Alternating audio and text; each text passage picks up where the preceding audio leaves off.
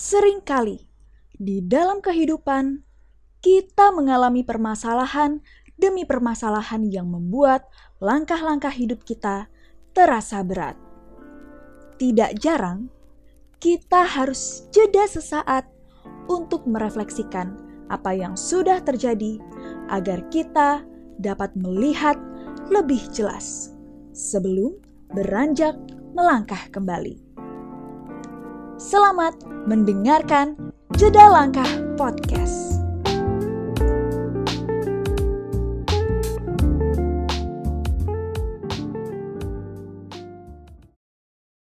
Halo halo sahabat jelang, apa kabar nih kalian semua nih? Wah, gongsi-gongsi nih, kita baru baru merayakan Chinese New Year ya. Nah, dalam Gongsi. rangka uh, merayakan Chinese New Year, nanti kita akan uh, membicarakan satu tema yang cukup menarik. Oke, uh, kembali lagi bersama saya Dr. Setiawan. Dan saya Gugus dan kita masih bersama di Jeda Langkah Podcast. Pada kesempatan kali ini untuk menyambut tahun baru Cina ya. Saya jadi teringat nih, saya dan Mas Tiawan tuh jadi teringat mengenai salah satu warisan masyarakat Tionghoa kuno yang eh, menurut saya sih masyarakat Indonesia juga banyak eh, pakai untuk eh, bisa untuk mendatangkan rejeki atau mungkin keharmonisasian keluarga dalam membuat rumah atau misalkan dalam membuat usaha jadi seperti itu. Yang namanya feng shui gitu ya Mas Tiawan Betul betul. Nah ini juga sebenarnya ini uh, sangat-sangat menarik nih karena saya pribadi pun istilahnya mau tahu lebih dalam lagi apa sih feng shui itu, saya uh, apakah uh, seribet itu, apakah uh, sangat berdampak bagi kehidupan kita nih? Bagaimana misalkan kalau uh, tidak menuruti atau istilahnya ada hal-hal yang tidak sesuai dengan feng shui se semestinya. Nah daripada kita bingung-bingung, sekarang nih saya sudah mendatangkan narasumber jelang pada uh, episode kali ini ada Korendi Jecao. Ya. Apa kabar Korendi? Halo, halo. Halo, Korendi. Halo. Iya, halo Mas Gongsi gongsi ya Korendi ya. Ya, Kyunghi, Kyunghi. Kyunghi. Aduh, thank you nih udah udah menyempatkan waktunya nih untuk uh, datang uh, ke episode kali ini nih Korendi. Siap, siap, siap. Korendi, saya mau Hmm. nanya nih, Mm-mm. sebenarnya Feng Shui itu ilmu tentang apa sih? Kan kita sering dengar nih, tapi kan mungkin kan banyak dari kita ini uh, cuman tahu aja Feng Shui. Pokoknya Feng Shui itu cuman taruh ini, taruh itu, uh, pintu di sini, pintu di situ. Tapi kayak kurang kurang dalam nih. Banyak orang yang kurang dalam tahunya nih. Oke, jadi di Cina itu ada lima disiplin ilmu. Ya, jadi untuk menjadi seorang eh, penasehat negara, ya sebenarnya diwajibkan belajar lima disiplin. Ya, nah Feng Shui itu dia masuk ke salah satu disiplin ilmu namanya Xiang. Xiang itu melihat bentuk. Ya, cabang lainnya adalah Mian Xiang, muka, Muka. reading, Hmm. Atau Shou Xiang, melihat Hmm, bentuk tangan. Hmm. Nah, gitu. Nah, satu satu lagi siangnya adalah melihat bentuk gunung-gunung, melihat bentuk landform ialah feng shui. Jadi feng shui itu dari dua kata. Feng itu angin, shui itu air. Jadi dia melihat pola angin, air dan kontur bumi. Nah, kayak gitu. Nah, jadi gini. Jadi saya ceritain dari awalnya aja ya gitu ya. Jadi biar Hmm, masuk hmm. logikanya ya gitu. Eh, orang Cina itu termasuk orang yang suka memperhitungkan semuanya. Jadi mereka itu berprinsip eh, untuk melakukan tindakan preventif dari segala hal, ya, gitu. Nah, karena menurut orang Cina itu eh, kalau bisa bencana itu diminimalisir dan hoki itu dikejar, ya. Jadi orang Cina berprinsip bencana itu nggak bisa dihilangkan. Menurut mereka bencana itu cuma bisa diminimalisir. Jadi kalau ada orang ngomong bencana akan digeser, digeser, dihilangkan itu mustahil. Jadi yang bisa kita lakukan hanya meminimalisir. Jadi kalau misalnya orang itu amit-amit tabrakan patah tulang, diminimalisir cuma kepentok meja di rumah. Nah, gitu. Hmm, hmm, hmm, Begitupun hoki. Nah, kayak gitu ya. Nah, ilmu feng shui ini adalah ilmu-ilmu yang digunakan eh, jadi orang Cina dulu percaya ternyata ada energi dari atas dan bawah yang mempengaruhi kita yang yang yang berefek ke manusia. Jadi ketika eh, alam bebas dikurung pakai eh, bangunan, ternyata ada energi yang dihitung. Jadi feng shui itu intinya adalah mengharmonisasikan antara manusia dan alam. Nah, kayak Oke, gitu. Oke, Mas Jadi di, Jadi di alam itu ada energi, tapi pas waktu kita membangun sesuatu, otomatis itu eh, kita mengurung energi yang benar. di dalam ya. Eh, benar ya? Kalau Benar, kalau benar. benar ya, Benar. benar ya. Oke, oke, oke. Terus habis itu? Nah, logi nah logikanya seperti ini sebenarnya logikanya. Jadi ada yang nanya misalnya, ah Korendi Korendi ngibul kali. Energi apa sih yang dihitung? Kayak gitu. Jadi orang dulu ngomongnya chi kan. Karena Hmm, mereka mereka nggak, eh, belum bisa menyebut dengan pasti energi itu apa. Jadi gini, Hmm. yang dihitung itu kan perbintangan di langit dengan energi yang ada di bumi. Hmm. Gitu. Kita nggak usah ngomongin jauh-jauh, tahu bulan ya, bulan tahu ya. Hmm. bulan. Oke. bulan ya. Ma, eh, ketika terjadi bulan purnama, apa yang terjadi efek di bumi? Gravitasi eh, dalam arti gravitasi bulan akhirnya itu eh, eh, pasang. Benar.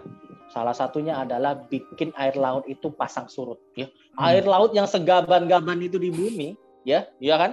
Ya, bertonton Naik itu turun. jadi jadi naik turun gara-gara dia ya. Cuma bulan sekecil itu loh. Bener ya? Hmm, hmm? Hmm. Makanya kalau dokter-dokter di Cina yang belajar tentang astrologi dan astronomi serta feng shui, dia nggak mau operasi orang sebenarnya kalau lagi bulan purnama. Kenapa? Karena, dar- rentan darahnya. pendarahan. Hmm. Nah, gitu. Mereka akan berusaha kalau bisa sih jangan bulan purnama. Itu. Nah, mungkin Dokter Hmm. Setiawan lebih paham nih nantinya. Nah, Hmm, kemudian jadi dia udah tahu nih mereka, ternyata eh, gravitasi di atas benda-benda planet mempengaruhi orang di bumi. Nah, hmm, bumi sendiri kan punya medan magnet betul. ya, gravitasi. Karena kalau enggak kita melayang semua nih, benar nggak sih? ya Iya. kan? iya. Ya, nah, jadi ternyata ada gaya tarik menarik antara gravitasi yang di atas sama gravitasi yang di bawah. Hmm. Nah, salah satu bentuk efeknya adalah bumi kita itu harusnya mulus. Gara-gara ada gravitasi atas dan bawah, gra- lempeng kita itu jadinya naik turun naik turun. Oke. Ah, oke. ya. Hmm, Nah, hmm. Akhirnya orang Cina mikir, gila, lempeng sekeras itu aja bisa hancur. Apalagi manusia yang sekecil itu. Akhirnya dihitunglah sama mereka. Perhitungan itu trial dan error sekitar 20 ribu tahun. Akhirnya didapatlah rumus Hmm. yang sekarang. Nah, seperti itu. Karena menurut mereka, nggak mungkin manusia bisa melawan energi itu. Kita hanya bisa berharmonisasi dengan energi itu. Hmm. Gitu. Feng Shui dengan Yin and Yang itu sama nggak sih secara teori itu? Maksudnya secara konsep tuh Yin and Yang itu masuk ke dalam konsep Feng Shui atau beda? Eh yin and yang itu sebenarnya konsep Tao. Hmm. ya Hmm. konsep Tao. Jadi agama tertua di Cina itu salah satunya Tao. Tao mengandung Hmm. prinsip yin dan yang. Yin dan yang itu prinsip keseimbangan. Makanya putih titik hitam, hitam titik putih. Hmm. Itu adalah prinsip keseimbangan di uh, uh, antara kejahatan ada keburukan, antara kebu eh, antara kejahatan Kebaikan. ada kebaikan, kebaikan ada keburukan. Nah, itu Hmm. juga dengan nasib mereka ngomong. Nasib baik mengikuti nasib buruk, nasib buruk mengikuti nasib baik. Nah, dibilang kayak gitu. Nah, prinsip yin dan yang itu adalah prinsip keseimbangan dan itu dipakai untuk ke semua jenis lima disiplin ilmu yang tadi. Hmm, Nah, hmm, Dokter Setiawan belajar akupuntur, dia pasti belajar juga tentang titik keseimbangan hmm. ya cara Hmm. nyimbanginnya orang yang belajar TCM belajar keseimbangan orang yang Hmm. belajar PACE seimbangan semuanya Hmm. tentang keseimbangan jadi itu nggak akan lepas dari lima disiplin ilmu yang yang dipakai sama orang Cina. Salah satunya Feng Shui. Feng Shui adalah mengatur biar harmonisasi dan imbang tadi. Jadi misalnya di rumah itu elemen apinya terlalu kuat. Kayak Hmm. gitu misalnya ya. Ternyata terlalu banyak kompor atau terlalu banyak lampu. Makanya harus dikurangin nanti. Mungkin nanti Hmm. ditaruh kolam lah disuruh taruh akuarium lah. Contoh itu contoh ya. Nah kayak gitu. Jadi intinya akan diimbangi. Atau tempat itu terlalu gelap Hmm, jadi yin. nanti nah terlalu yin yin chi namanya Hmm. jadi akhirnya dipasang Hmm. lampu tembak lah apalah dan segala macam kayak gitu jadi itu prinsip Tao yang Hmm. diadopsi dengan ke semua ke ilmu yang ada Hmm. nah benar sekali Hmm, Jadi kalau yin yang itu eh, itu eh, konsepnya bahwa kita akan mencapai ke keseimbangan itu untuk segala ilmunya itu ya. Kok ya, ya? intinya seimbang intinya seimbang manusia itu bermasalah karena nggak seimbang dia di- ya, ketika tidak seimbang kacau adalah tubuh kayak gitu kan ada yang nggak Hmm. seimbang kacau langsung dia nah, Hmm, gitu. hmm. Baik, baik itu yang terlalu berlebihan ataupun terlalu kekurangan ya, Ya, Pak ya. Ini benar, pun ini pun sama dengan eh, dalam metode Feng Shui ya. Dalam arti tadi kan Benar. dia bilang, oh ini Benar. lampunya terlalu terang atau ada orang Benar. bilang ini orang nih tidurnya ini lampu nyala terus nih istilahnya. Tapi ada Benar, orang yang tidurnya lampu mati terus nih atau ada Benar, orang yang lebih cenderung yin, ada yang lebih cenderung yang dan Benar. itu nanti akan eh, secara langsung tidak langsung juga akan mempengaruhi eh, dari metode Feng Shui Feng Shui benar, nih kok ya. benar, benar, ya. benar, dia, benar. Hmm. Dia ada perhitungan kompleksnya, benar itu. Oke, Tapi oke. disi- disiplin ilmu feng shui itu saya jadi penasaran tuh lebih ke matematika atau tata letak kayak tata letak bangunan atau apa ya maksudnya Oke. eh, definisi eh, feng shui itu masuk ke istilahnya tuh ranah disiplin ilmu mana gitu Ada profesor di luar menyebut ranah ilmu disiplinnya Feng Shui itu adalah geoastrologi. Geoastrologi, oke. Iya, Hmm. karena dia melihat kontur yang ada di bumi berdasarkan pola energi yang ada di lah di langit. Kayak gitu. Hmm. Jadi dia masukinnya ke geoastrologi. Dia bilang kayak gitu ada yang ngomong. Tapi itu perhitungan ya, ingat. Ingat itu perhitungan. Itu termasuk astrofisika dia, bukan metafisika. Karena metafisika itu hal-hal yang tidak bisa dijelaskan dengan fisika. Ya, gitu ya. Kayak anak psikologi tahu dengan istilah parapsikologi ya kan? ya Gitu. para psikologi lebih Benar. ke apa di luar ilmiah gitu ya Benar, benar, benar. Jadi ini lebih tepatnya disebut astrofisika karena me- karena memakai prinsip buminya jadi disebut geoastrologi. Yang saya mau tahu lagi nih kok dalam Feng Shui itu itu yang biasa itu hitung-hitungannya itu pakai apa nih? Kan kadang-kadang kan ada yang bilang uh, hitungannya itu ada yang pakai tanggal lahir uh, bahkan jam lahir nih dalam arti kan kalau Benar, unsur benar, lima unsur kan benar. bukan at- atau Benar. kita ngomong show itu kan bukan hanya tanggal lahir lah- tanggal lahir aja nih ternyata itu Hmm. uh, jam lahir pun pengaruh tuh istilahnya kan Benar, benar. Nah, dan dari dari istilahnya kita bilang using itu dalam arti lima unsur itu pun pengaruh nih dalam arti. Nah, Hmm. Benar. yang saya mau tahu itu di Feng Shui itu eh, pakai ah, maksudnya istilah apa apa aja nih eh, yang dipakai nih perhitungan-perhitungannya. Oke, yang pertama, jadi gini, kita akan menghitung uh, landformnya dulu. Jadi kita akan hitung energi rumah itu dulu. Sektor mana yang bagus, sektor mana yang buruk. Nah, itu kalau itu nggak pakai data kita, ya. Jadi kita pertama ke site-nya dulu, kita lihat dulu bentuk rumahnya segala macamnya, kita hitung sektor mana bagus, sektor mana buruk, sektor mana bagus untuk taruh WC, sektor mana bagus untuk taruh kamar mandi, sektor mana bagus untuk taruh eh, master bedroom. Nah, udah selesai, baru kita hitung orang yang mau tinggal. Oke, hitung Nah, orang yang mau tinggal. mau tinggal, Oke. orang yang mau tinggal, baru kita sesuaikan dengan rumah tersebut. Sesuaikannya perhitungannya pakai namanya Pak Ce namanya. Hmm. Pak C itu teknik 8 huruf atau 4 pilar. Nah, dari Pak C tersebut itu memang membutuhkan sampai jam lahir. Jadi nanti kita dihitung, kita dihitung. Dia dia orang barat atau orang timur kayak gitu, ya. Hmm, hmm. Jadi eh, menurut ilmu feng shui itu orang itu terdiri dari dua tipe, kelompok barat sama kelompok timur. Jadi kelompok barat dia punya arah hadap bagusnya. Barat, barat laut, barat daya, timur laut. Kalau orang timur dia arah hadap bagusnya timur, tenggara, utara, selatan. Contoh, Mas Setiawan tanggal lahirnya berapa? saya Sebentar ya 8 7 15 eh, 51 mm, 6 10 4 orang timur. Nah, jadi kayak Mas Setiawan paling bagusnya menghadap rumah atau pintu utama rumah itu menghadap timur, utara, selatan sama tenggara. Oke oke. Nah ini peng- Ah. pengaruh gak nih? Dulu kan nama saya kan eh oke. Dulu nama saya itu si si Barat dan akhirnya itu nggak boleh katanya. Oh, ada yang mungkin, mungkin ya. Mungkin, mungkin ada yang master dia memang ahli ngitung nama gitu ya. Nah, jadi jadi disuruh ngubah mungkin ya mungkin saya. Ya, karena Oke, saya nggak oke. nggak gitu ahli di apa Hmm, hmm, namanya hmm. sufa, namanya Ah, ah, sufa. Untuk Nah, gitu. nama. Hmm. Nah, Oke oke. Jadi eh, orang timur eh, sebaiknya itu rumah eh, menghadap ke tadi timur, utara, selatan, tenggara. oh timur utara Nah, selatan gitu. tenggara. Oke oke oke. Jadi, Itu dipakai itu dipakai untuk misalnya eh, arah hadap meja kerja, pintu utama rumah, arah hadap nanti beli toko atau apa rumah, arah hadapnya kayak gitu. Kepala ranjang. Ah, kayak gitu. Oh oke oke. Nah, Menarik, sudah dapat kan? Nah, sudah Hmm. dapat itu biasanya Hmm, nanti hmm. sudah dapat informasi itu. Dia si si klien akan ngomong, "Oh, yowes kalau gitu aku cari rumah-rumah yang arah timur, utara, selatan, tenggara." Mereka cari dulu nanti. Sudah cari, udah dapet, baru ini manggil kami lagi. Kami hitung baru kan sektornya Hmm. gitu kan. Nanti rumah itu dibagi sektor menjadi tiga kali tiga. Jadi jadi kita dapat 9 kotak. Hmm. Ya, 9 kotak ya. 9 kotak kita dapat. Nah, nanti si praktisi yang hitung. Kotak mana bagus jadi pintu depan, kotak mana bagus jadi kamar, kotak mana bagusnya jadi WC. Nah, kayak gitu.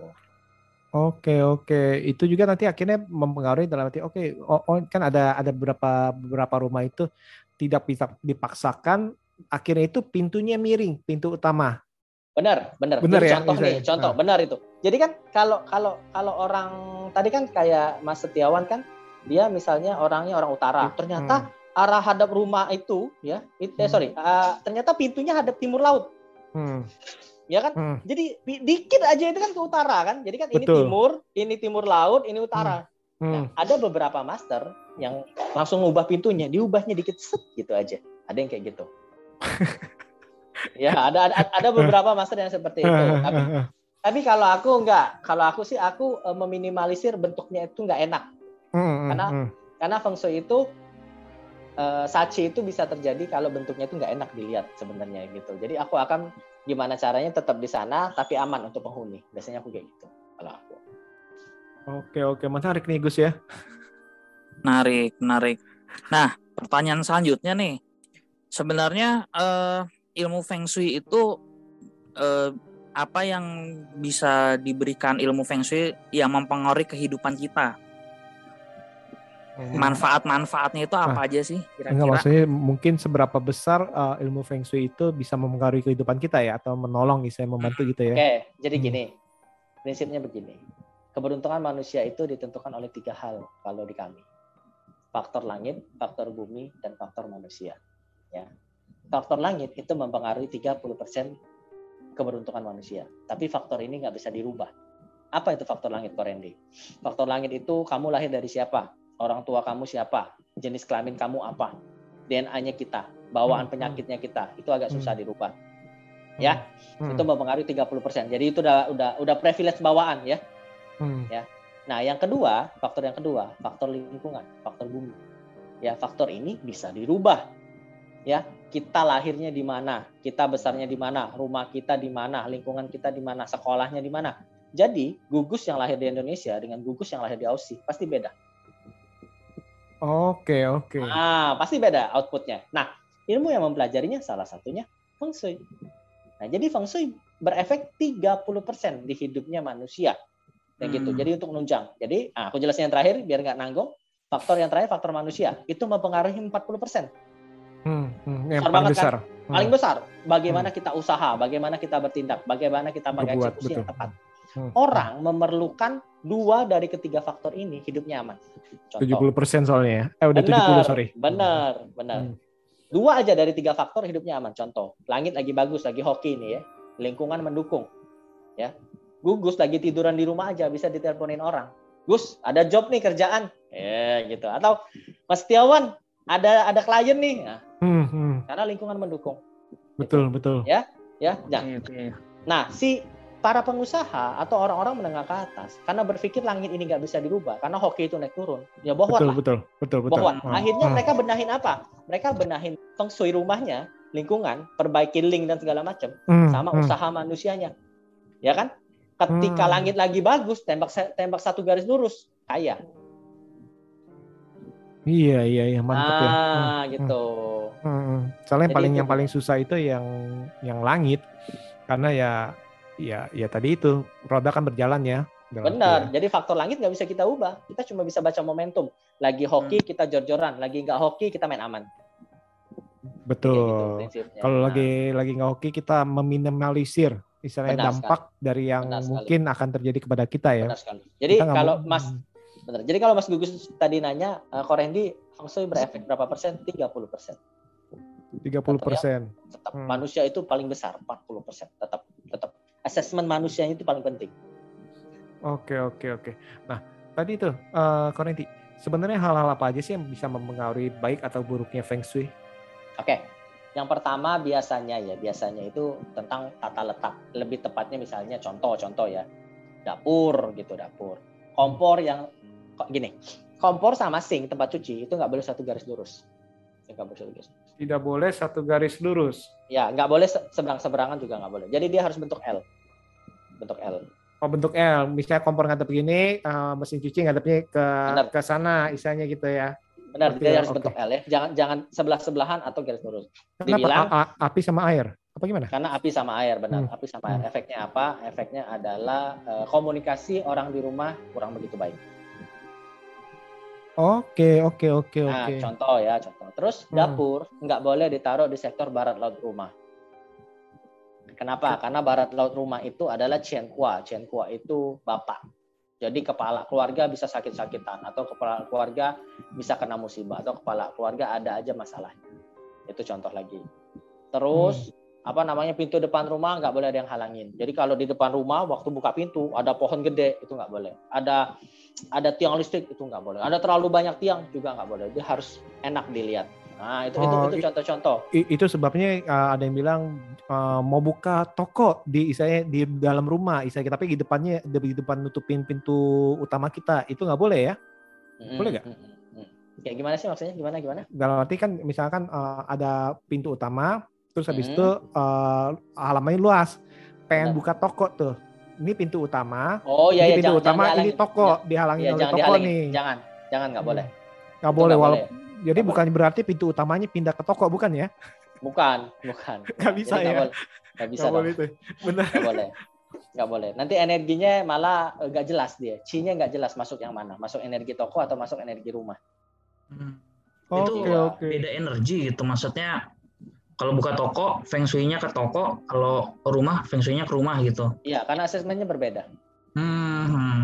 Asesmennya berbeda. Karena toko kita tujuannya untuk nyari duit. Kalau rumah tujuannya adalah nyaman.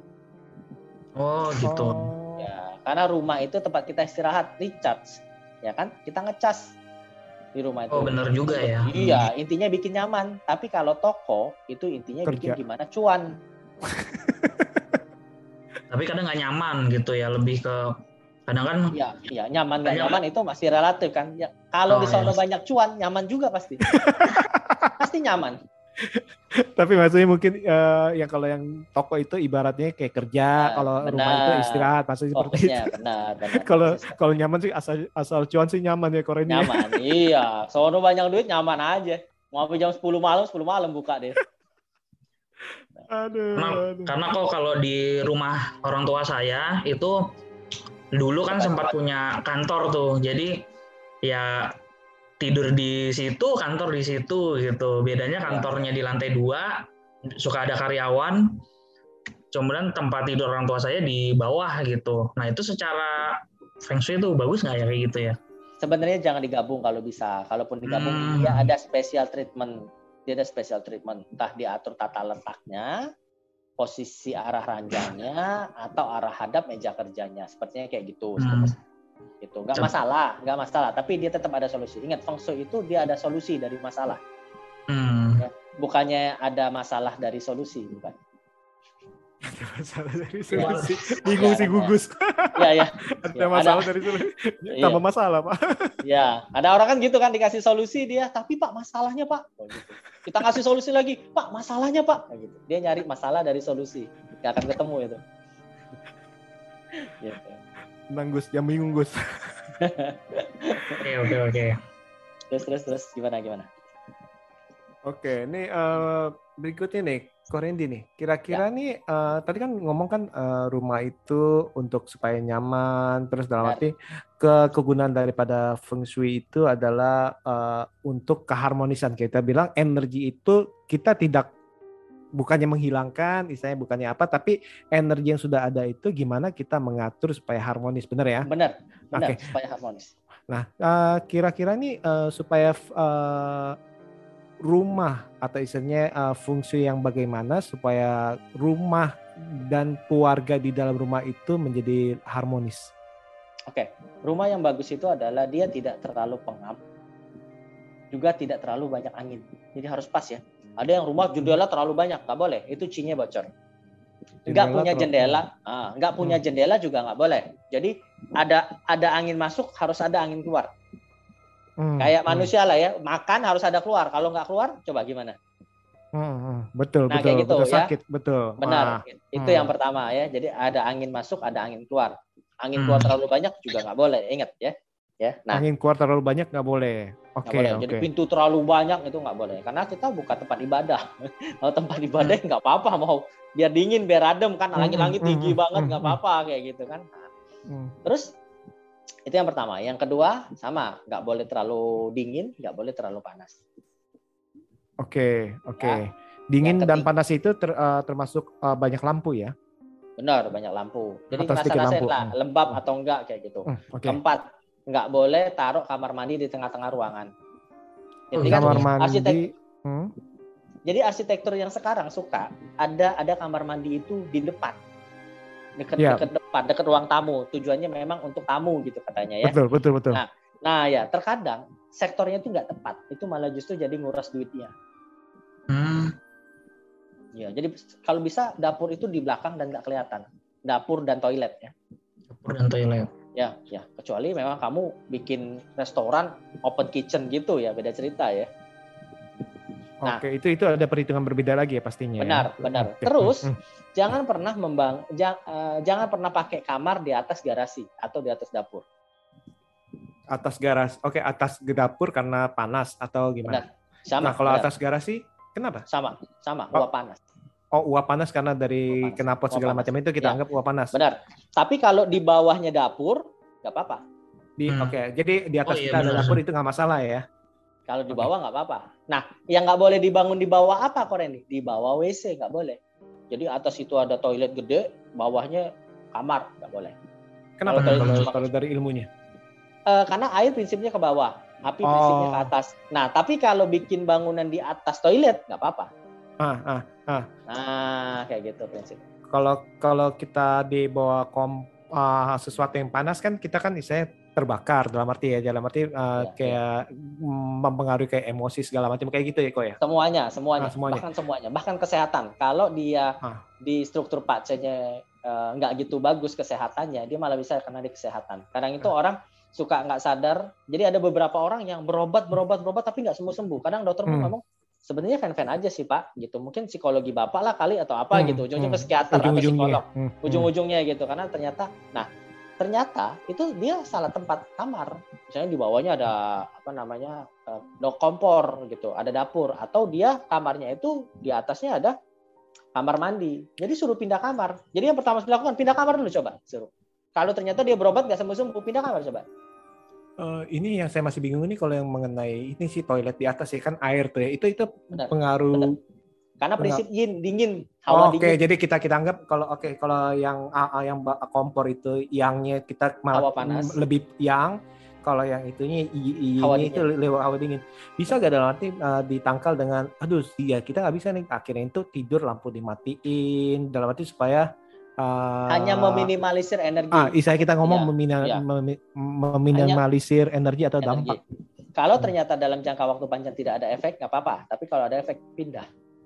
Oke, oke, oke. Hmm, hmm, ngerti-ngerti. Jadi ini balik-balik lagi ke prinsip yang juga. Ah betul, Benar, keseimbangan. benar. Hmm, hmm. Jadi ini eh, keseimbangan yang betul betul betul. Ah, ngerti ngerti ngerti. Oke, seru juga nih Gus. Langsung si Gugus langsung mikir-mikir, aduh, eh, komporku di Nah. mana? karena karena benar juga jadi eh, kan kalau misalkan kita punya istri atau kakak saya lah yang perempuan itu hamil muda ya biasanya kan juga kayak ada apa sih namanya dia tuh suka mual kalau nyium masakan kan suka kayak apa istilahnya tuh eh jadi kalau hamil itu sensitif banget tuh terhadap masakan tuh jadi kalau dia di kamar tapi di bawahnya tuh ada orang masak itu ngaruhnya ke mood juga, stres atau apa gitu. Jadi bener juga sih kalau misalkan deket sama masakan. Nah untungnya kamar kakak saya ini, nih kayak sekarang nih, saya kan sekarang di kamar kakak saya nih, Hmm. itu jauh sama sama dapur. Jadi ketika ketika dia keluar rumah, ada misalkan orang tua saya masak, ya dia bisa larinya ke kamarnya dia gitu Hmm. jadi jadi kepikiran juga kalau seandainya kamarnya dia itu di bawahnya apa dapur dan orang lagi masak selain ada hawa panas terus kan juga kadang tuh bau-bau kalau kamar kan maunya kan istilahnya lebih ke bau yang rileks gitu kan malah bau kayak misalkan nasi goreng gitu kan secara mood tuh juga jadi gampang marah gitu ya Mual ya. juga gitu Hmm. Nah, kira-kira nih eh, pertanyaan berikutnya adalah Hmm. kalau memang di ada saya semacam feng shui di dalam rumah yang tidak tidak baik itu itu bisa berpengaruh apa ya kira-kira ya? Ya, tadi kan sudah aku jelasin sedikit. Nggak baiknya itu bisa banyak, mulai dari kesehatan, Hmm. komunikasi antar orang rumah yang buruk, pencurian. Nah, gitu. Oh, bisa Jadi sampai ada sampai kes- tanda kutip kesialan maaf maaf kesialan kesialan seperti itu bisa ya pencurian jadi- pencurian. Jadi eh, kami kan akan menghitung pintu utama itu bagusnya di sebelah mana, sebelah kanan, sebelah kiri atau di tengah-tengah, gitu kan? Ya, itu. Nah ternyata waktu dihitung-hitung-hitung ternyata tempatnya lagi masuk bintang rampok, bintang pencuri. Rumah itu bisa kecurian terus. Tapi tetap Oh, biasanya ada oke. kiasnya. Nah, Hmm. kiasnya macam-macam. Jadi tapi sesuai rumah ya. Kiasnya macam-macam. Hmm, hmm, Mulai hmm. dari nanti harus dipindahkan, diubah warnanya, kayak gitu atau memang nanti ditaruh peralatan-peralatan feng shui apa sesuai elemennya gitu nanti. Ternyata di sana kurang logam taruh logam. Ternyata di sana kurang api taruh api. Kurang air taruh air kayak gitu nanti hitungannya. Nah atau kami juga nanti ngitung titik api. Jadi ada hitungannya. Misalnya titik apinya di selatan atau di barat. Nah itu jangan taruh peralatan yang memicu kebakaran di sana. Bisa konslet. Oke oke. Nah, deh kayak gitu. Ja- Jadi sampai sampai segitunya ngitung itu memang sampai segitunya. Makanya biasanya itu kami itu kerja eh, bukan kerjasama ya, eh, joinnya itu sama para arsitek. Kontraktor. Jadi arsitek, Hmm. nah, arsiteknya akan nanya, kok boleh taruh skring di mana? Nah, gitu akan nanya. Kok Randy tangganya berapa? Nah, oh jumlah ta- anak tangga juga eh, harus diperhitungkan ya dihitungkan. Ta- eh, tangga itu dia harus 5 plus 2 atau 5 plus 1. Hmm. 5 plus 2 atau 5 plus 1 ya oke oke oke Jadi dihitung tuh dari pertangga. 1, 2, 3, 4, 5. Hitung lagi. 1, 2, 3, 4, 5. Hitung lagi. Naik, naik, naik, naik. Sampai yang terakhir lihat sisanya satu atau dua. Hmm. Hmm. Iya, iya. Ini menarik sih soal misalkan kalau dampaknya itu, oke kan ke- mm, kalau kesehatan, oke kita udah tahu lah, dalam arti udah sering dengar, oh ini, nih banyak sakit nih karena mungkin uh, feng shui-nya uh, baik itu uh, duduk yang arahnya salah, tata ruangnya salah segala macam itu kita udah dengar nih. Terus habis itu yang yang yang saya baru dengar ini adalah ya itu ya kecurian karena Ya. saya langsung langsungnya oh iya ini ada ada kenalan saya nih sepedanya hilang terus. Iya, kalau nggak dikias Jadi- pintu jadi- utamanya hilang terus deh. Jadi saya Kalau nggak di apa? Oh, Kalau kalau nggak dikias itu harus dihitung dengan tepat, nanti dikias. hmm. Hmm, Kias jadi itu istilahnya Kias itu di- memberi obat. Mm, jadi Oh. dikendalikan, diminimalisir atau dihilangkan. dihilangkan, Hmm. dikendalikan ibaratnya. Entah itu dipindah pintu utamanya atau dikasih tadi itu apa Ya, tergantung penangkal. elemennya, Ya, penangkal tergantung elemen. Mm, mm. tergantung elemennya tadi. Iya tadi Bahkan kebakaran, kebakaran. Hmm, Jadi ada hmm. rumah itu kerjanya kebakaran mulu. Ada rumah itu yang kerjaannya eh, apa? kebakaran gasnya dijual, meledak, kebakaran kompor. dijual gitu ya. Iya. Iya, tapi aja. jujur tetang- tetangga saya ada loh. Kebakaran itu dari saya TK sampai hari ini di rumah yang sama itu sampai tiga kali loh. Nah, nah kan? Hmm. Kenapa tuh kira-kira tuh bisa gitu? Iya.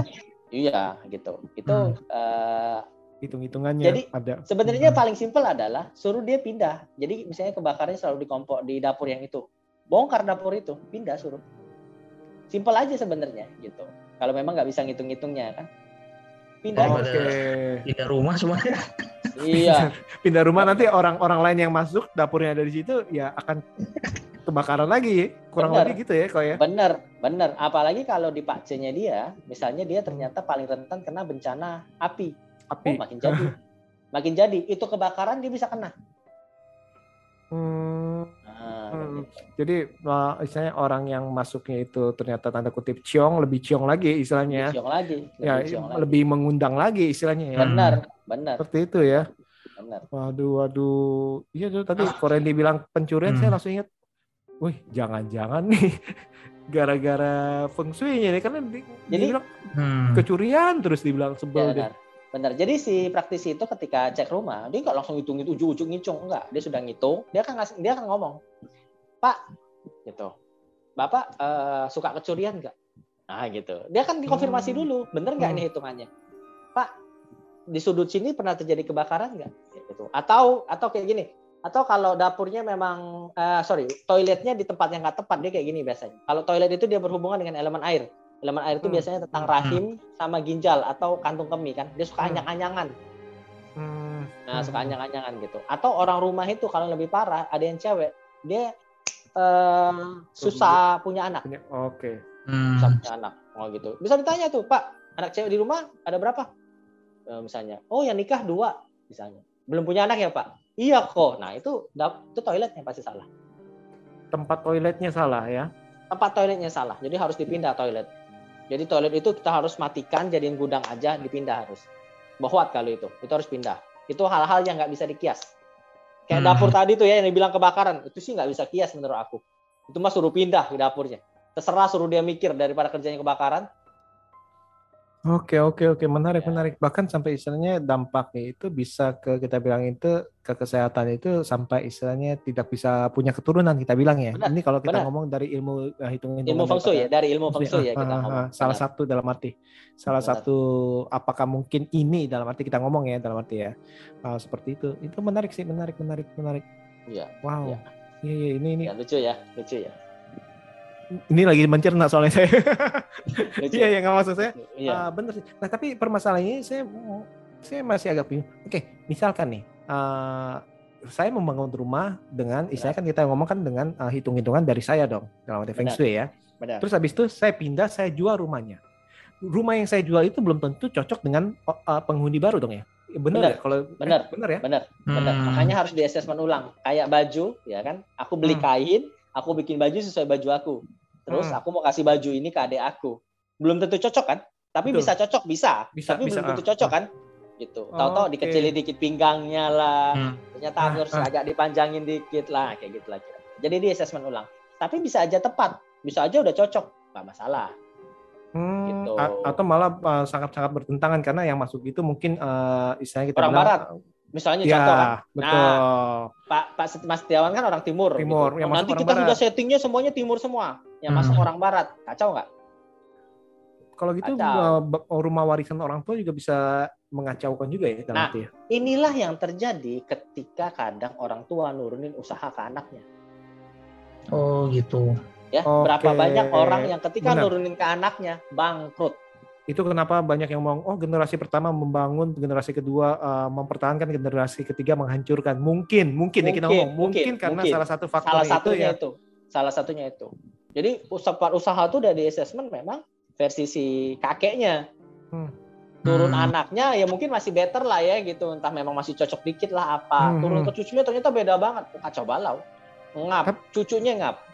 Tapi justru yang saya yang saya uh, temukan di beberapa jenis usaha kita ngomong ya, beberapa jenis usaha uh, istilahnya yang masih totok ya, uh, udah nurun ke anak atau ke cucunya itu malah nggak mau catnya nggak mau dirubah, istilahnya pintu yang nggak mau dirubah, mejanya pokoknya dari dari saya kecil sampai Ya, saya sekarang udah benar. punya anak datang ke situ sama persis dalam arti. Iya. Nah itu dalam arti eh, apa karena mentalitasnya oh ini nih bawa hoki nih akhirnya eh, saya nggak mau nggak mau ngerubah-rubah tapi itu bisa bisa benar Bisa. atau malah bisa, pas diturunkan itu malah bisa berlawanan ya benar ya bisa bisa benar bisa salah.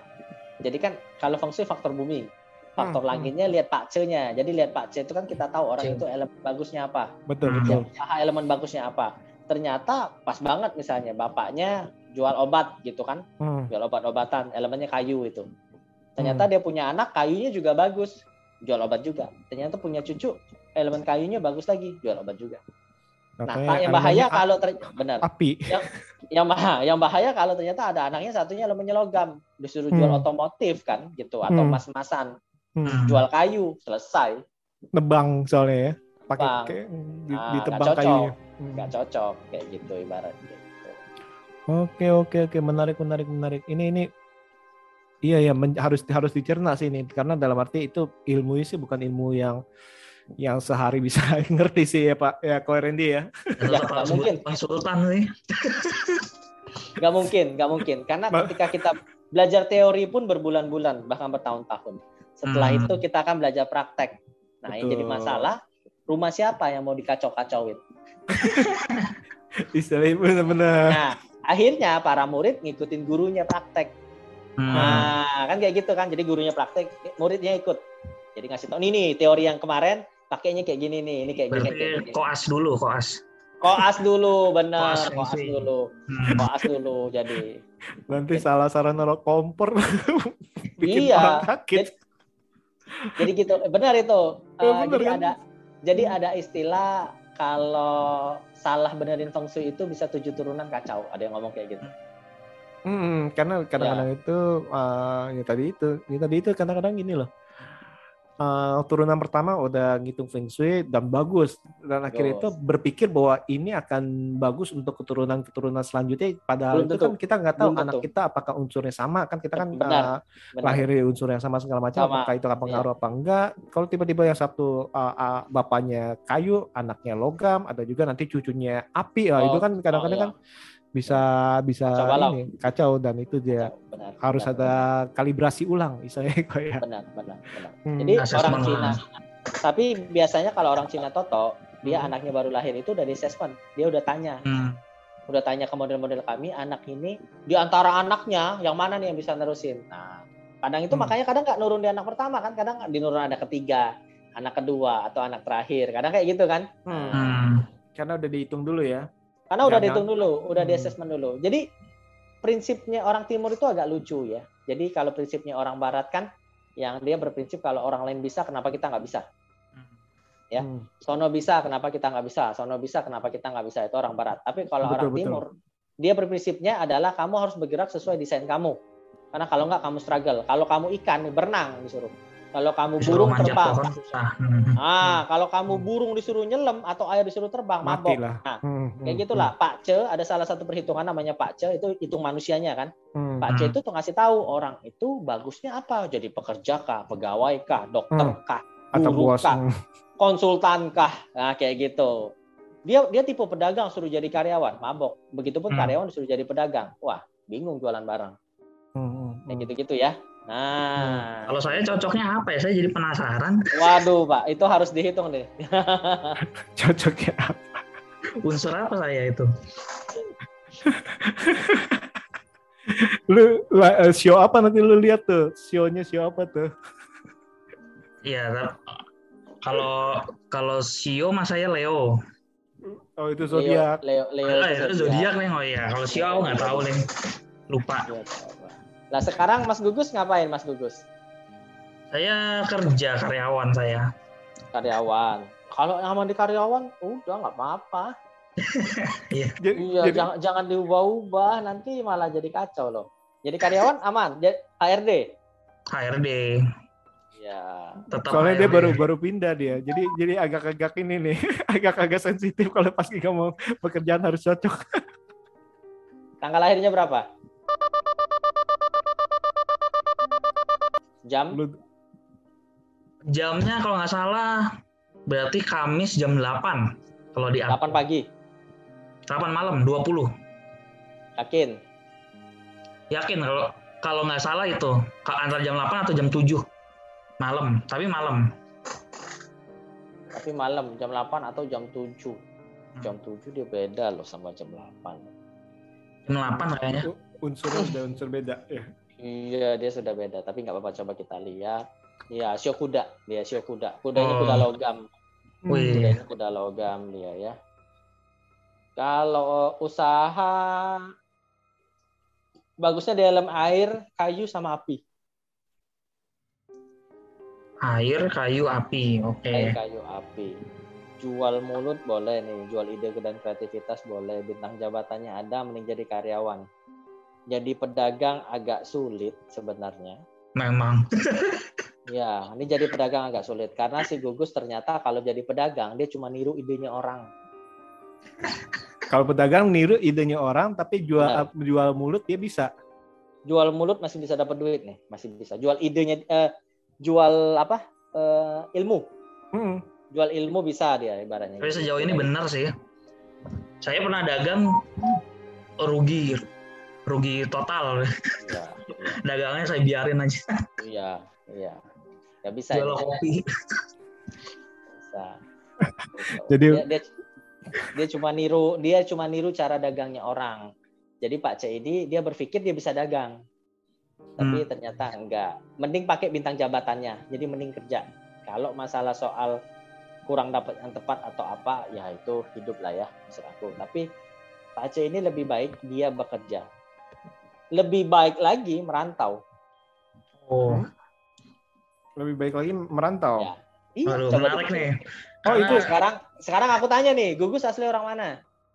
Saya saya kalau saya kalau orang tua saya Jawa Tengah Solo, Lah, tapi Oke, lahirnya di mana kamu? saya lahirnya di Solo. tapi Oh. tapi langsung diboyong ke Jakarta ke Bekasi. Langsung ke Jakarta. Hmm. Oke. Kalau gitu tetap di Jakarta karena lahirnya di Solo. Oh, Ya. Kecuali ada kamu omongan juga saya mau saya mau ke Kalimantan nih. Boleh. Boleh. Boleh. Oh, mau Boleh, diki- makin jauh. oh, lu mau mau dikirim ya? Gus. Ya, Boleh. Pokoknya kan- kalau kalau merantau kan boleh. pokoknya lebih banyak kayaknya. Kemarin padahal lu baru baru pulang dari dikirim dari sana Kalimantan. lu. Iya, kan udah ngeliat cuan. Jadi Oh. jadi gugus jadi gugus bisanya seni apa? Seni, saya editing. Hmm. Saya editing biasanya ide di kantor sih manajemen manajemen apa human resource ya. Saya nggak bisa nakal lah pokoknya. Tapi emang saya tuh orangnya kurang kurang disiplin. Datang kantor telat dikit, biasanya gitu. Tapi saya Gini, gini Gus. Kalau ini dia ada kayu cia. Oh, Kayu cia itu pohon besar. Kalau orang punya pohon besar itu, itu kadang banyak pengennya. Pengen A nggak selesai berubah pengen B, pengen B nggak selesai berubah pengen C. Jadi disuruh harus konsis. Konsisten. Loh, Nah, ya benar sih. maksudnya punya kayu cia itu maksudnya eh, dalam dirinya gugus itu ada kayu cia atau Waduh, nggak kelihatan ya. enggak kelihatan? Hmm. Oh, atau gini, kasih aku host, kasih aku host. Kasih Oke. aku co-host. Oke, bentar ya. Saya kasih co-host nih. Pak Randy. Menarik nih. Oke. Co-host ya. Sudah? Oh, sudah. Oke. Saya. Bisa share screen. Oke. Kelihatan? Wih, kelihatan, kelihatan. Oke, kelihatan. Waduh. Kelihatan nggak? Oh iya. Kelihatan. Nah, Cuman nggak paham. Nah, bulan, Ah, ada bulan, ada tahun. Oke. nah ini nih, ini namanya kayu cia, ini namanya. Kayu Hmm. cia. Itu kayu besar atau pohon besar. Jadi kalau lihat tuh kayak pohon beringin bentuknya ya. Hmm. Ya, jadi ini ini huruf Hanze ya, hurufnya Cina. Hmm, Zhongwen, hmm, hmm. Zhongwen. Ya.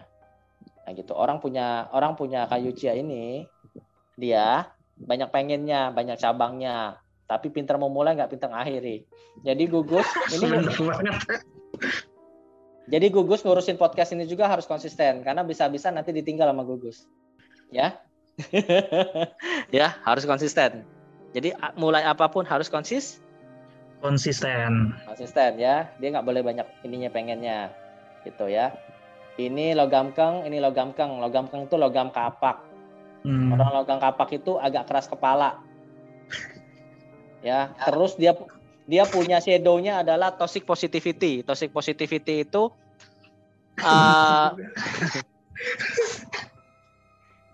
ya gitu ya dia dia punya Banyak- shadownya Banyak ini ya. Ya, dia nyari-nyari Langsung nyari-nyari motivasi. pembenaran. Benar, nyari-nyari pembenaran atas malesnya, nggak boleh. Padahal padahal padahal orang-orang Kenapa ketawa? Padahal orang orang logam kang ini dia bisa sukses loh, karena orangnya harusnya ngerjain sesuatu itu dengan cara efektif. Dia paling seneng hal-hal yang efektif dan efisien. Ribet-ribet tuh dia nggak suka. Bener banget. Bener tuh, bener. Ya. Dia Kayaknya kan kebalikan dari saya tuh, dia tuh. gitu ya, Gus. Ya, Oh, ini ada, ini ada api matahari. Ya, api matahari ini. ya. Ini ada api matahari, Ada orang api. Ya, orang punya api matahari eh, disarankan harus aktif. Dia baru dapat duit. Jadi Agus bagusnya itu elemen air, kayu, sama api. hmm. Ya, jadi kalau mau usaha bergerak di bidang-bidang ini. Kalau mau usaha sebenarnya bagusnya. Tapi masalahnya kamu kan belum bisa usaha nih. Ya, maksud Hmm. aku, kamu harus masih trial and error. Saran aku, mending jadi karyawan dulu. Bener sih. daripada jadi ya jadi pengusahanya nanti di umur tua aja jadi sekarang hemat-hemat kumpulin duit Benar, gitu benar, benar. ya jangan dipaksa kayak gitu oke Thank you kok. Ini emang tapi secara sifat sih emang bener banget sih. Waduh, waduh, waduh. Luar biasa. nih. Bisa tahu banyak. iya Pak C itu kan kayak gitu kan tadi aku udah jelasin Pak Ah, C oke, baca oke. orangnya Iya. Hmm, hmm. Feng Shui kita baca rumahnya jadi Ah, oke. praktisi itu dia harus bisa Pak C dulu baru bisa Hmm. Feng Shui Hmm. gitu dia harus bisa baca orangnya dulu baru bisa baca bangunan jadi kalau orang ada orang yang bisa Feng Shui tapi nggak bisa Pak C itu abal-abal Oh gitu ya. Ah, Oke. nah, iya Benar, dia benar, harus benar. bisa ini dulu Betul, lagi mana betul. dia bisa asesmen rumahnya coba Betul kalau dia kalau dia nggak bisa baca orang yang emang nggak bisa itu kan dasarnya ya. Iya, itu kan dasarnya, ya. Hmm, hmm. Oke oke menarik menarik menarik menarik. Jadi eh, benar-benar menarik ya Gus ya. Seperti itu nih. Nah tadi si Gugus ini bingung nih ini apa sih ilmunya ya Gus ya? Nah, itu itu tadi Pak Ce ya, itu tadi Pak Hmm, Ce. itu Karena itu kalau yang Shui- Feng Shui hmm. kita ngitung rumah gitu. Aku susah Hmm. praktekin karena harus ngitung rumahnya. Tapi itu, nah itu contoh Pak Ce. Jadi Nah, kira-kira dan gitu lah. dan pace itu kan sebagai dasar dasar untuk ilmu lima ilmu itu ya. Benar, Korendi ya benar. benar, benar. Seperti itu. Oke oke gimana Gus? Masih ada yang mau ditanya lagi gak? Ada. Soalnya Gus masih terpesona nih, bingung nih mau ke Kalimantan apa enggak dia. Merantau paling jauh makin lagi kan. Saya udah terlanjur pindah kerja. Gugus, gugus makin jauh makin bagus. Nah, ke Oh, Indonesia oke. Timur Gus. Indonesia Jadi Timur kalau- Gus. Kalau gugus ada yang nawarin ke Mars, boleh tuh ke Mars kalian. Nggak Ya. apa-apa. Karena saya karena ada ada satu momen di mana saya itu dikasih ya kayak nasehat sama bos saya yang dulu di tempat kerja sebelumnya. Kamu tuh kalau main yang jauh gitu. Nah, Biar tahu kamu ada duitnya Nah. gitu gitu. nah, bosnya aja udah itu. Bosnya mungkin, bosnya mungkin lihat Pak Ce kamu. Iya Gus. yang lihat tuh dia tuh. Aduh nih, ini ada bintang terbang nih, suruh terbang nih jauh-jauh nih. Tuh. Wah, bener. aduh, aduh, aduh, seru, seru, seru. Aduh, gimana Gus? Masih ada yang mau ditanya lagi nih Gus? Udah udah cukup. Udah, udah banyak nih ilmunya nih yang masuk nih. Hmm, Tinggal mencerna nih ya, mencerna dan nanti siap-siap nih nanti apa eh, pindah-pindahin kompor, pindah-pindahin toilet, kamar, Eh, mulai berbenah nih. Karena ya eh, seperti yang tadi Koren dibilang itu ya percaya nggak percaya sih karena tadi itu eh, di dalam dunia kedokteran juga kadang-kadang itu kita eh, ada orang yang tadi bilang itu ada orang yang sakit segala macam ini kok nggak sembuh-sembuh. Udah bisa kita bilang udah ke dokter udah ke sinse lah atau udah ke mana pun ini kok nggak bisa nggak balik-balik nih. Nah kita kan akan bertanya-tanya faktor X-nya nih apakah ternyata itu ada ciong dengan kita bilang itu dengan tempat tinggal atau Benar, atau ciong dengan hal-hal lain. Nah itu kan yang kadang-kadang itu Benar. ya eh, untuk kalian nih pendengar ini ya antara percaya nggak percaya ya itu ada seperti itu. Dan itu ada kejadiannya seperti itu. Bener ya kok ya? Ya. seperti itu Gus. Baik kok Korinti misalkan kalau ada para sahabat jelang nih yang ingin konsultasi nih ke, Korinti ini ini eh, hubungin gimana nih? Apa via Instagram atau saya ada praktek di mana? Oke, kalau praktek sih udah nggak udah nggak buka lagi karena ternyata eh, klien lebih banyak pengennya ketemu di rumah mereka atau nongkrong di tempat kopi. Jadi akhirnya aku Hmm, hmm. tutup. Mungkin bisa hubungin ke IG aja. Eh, Randy pakai Y, Randy Hmm. JC ya, Randy Hmm, JC, hmm. Randy pakai Y, JC kayak gitu. Atau klik aja di Google Randy Jecho, itu pasti Keluar ada kok, muncul hmm. muka aku semua ya. Iya Gitu. kok Iya, Randy Jecho klik aja gitu udah muka aku semua. Nanti nanti bisa diarahin ke IG aku. Langsung ke IG aja nanti karena di IG ada nomor pribadi aku itu nomornya eh, orang kami nanti diaturin jadwalnya kalau memang mau konsultasi. Oke, nah nanti ini untuk para sahabat bilang nih nanti eh, IG-nya nanti akan saya apa? Saya akan saya tulis di deskripsi seperti yang kemarin eh, saya tanyakan tuh ya, Ko Ko Randy ya itu kan IG-nya ya. Oke. Siap, siap. Hmm. Oke, eh, saya kira sekian ya gugus ya untuk episode kali ini ya. Baik, terima kasih Ko Randy. Ya. Kita saksikan lagi episode-episode selanjutnya dari Jeda Langkah Podcast yang mungkin lebih unik, yang mungkin lebih berbeda lagi. Dan terima kasih Ko Randy atas waktunya yang diluangkan dan banyak Ya. memberikan pencerahan kepada kita ya, Gugus dan saya Mas Tiawan. Terima kasih, eh, saya tutup, saya Gugus. Dan saya Setiawan, kita akan berjumpa di episode selanjutnya. See you. See you, terima Ya, kasih. see you. Thank you, thank you.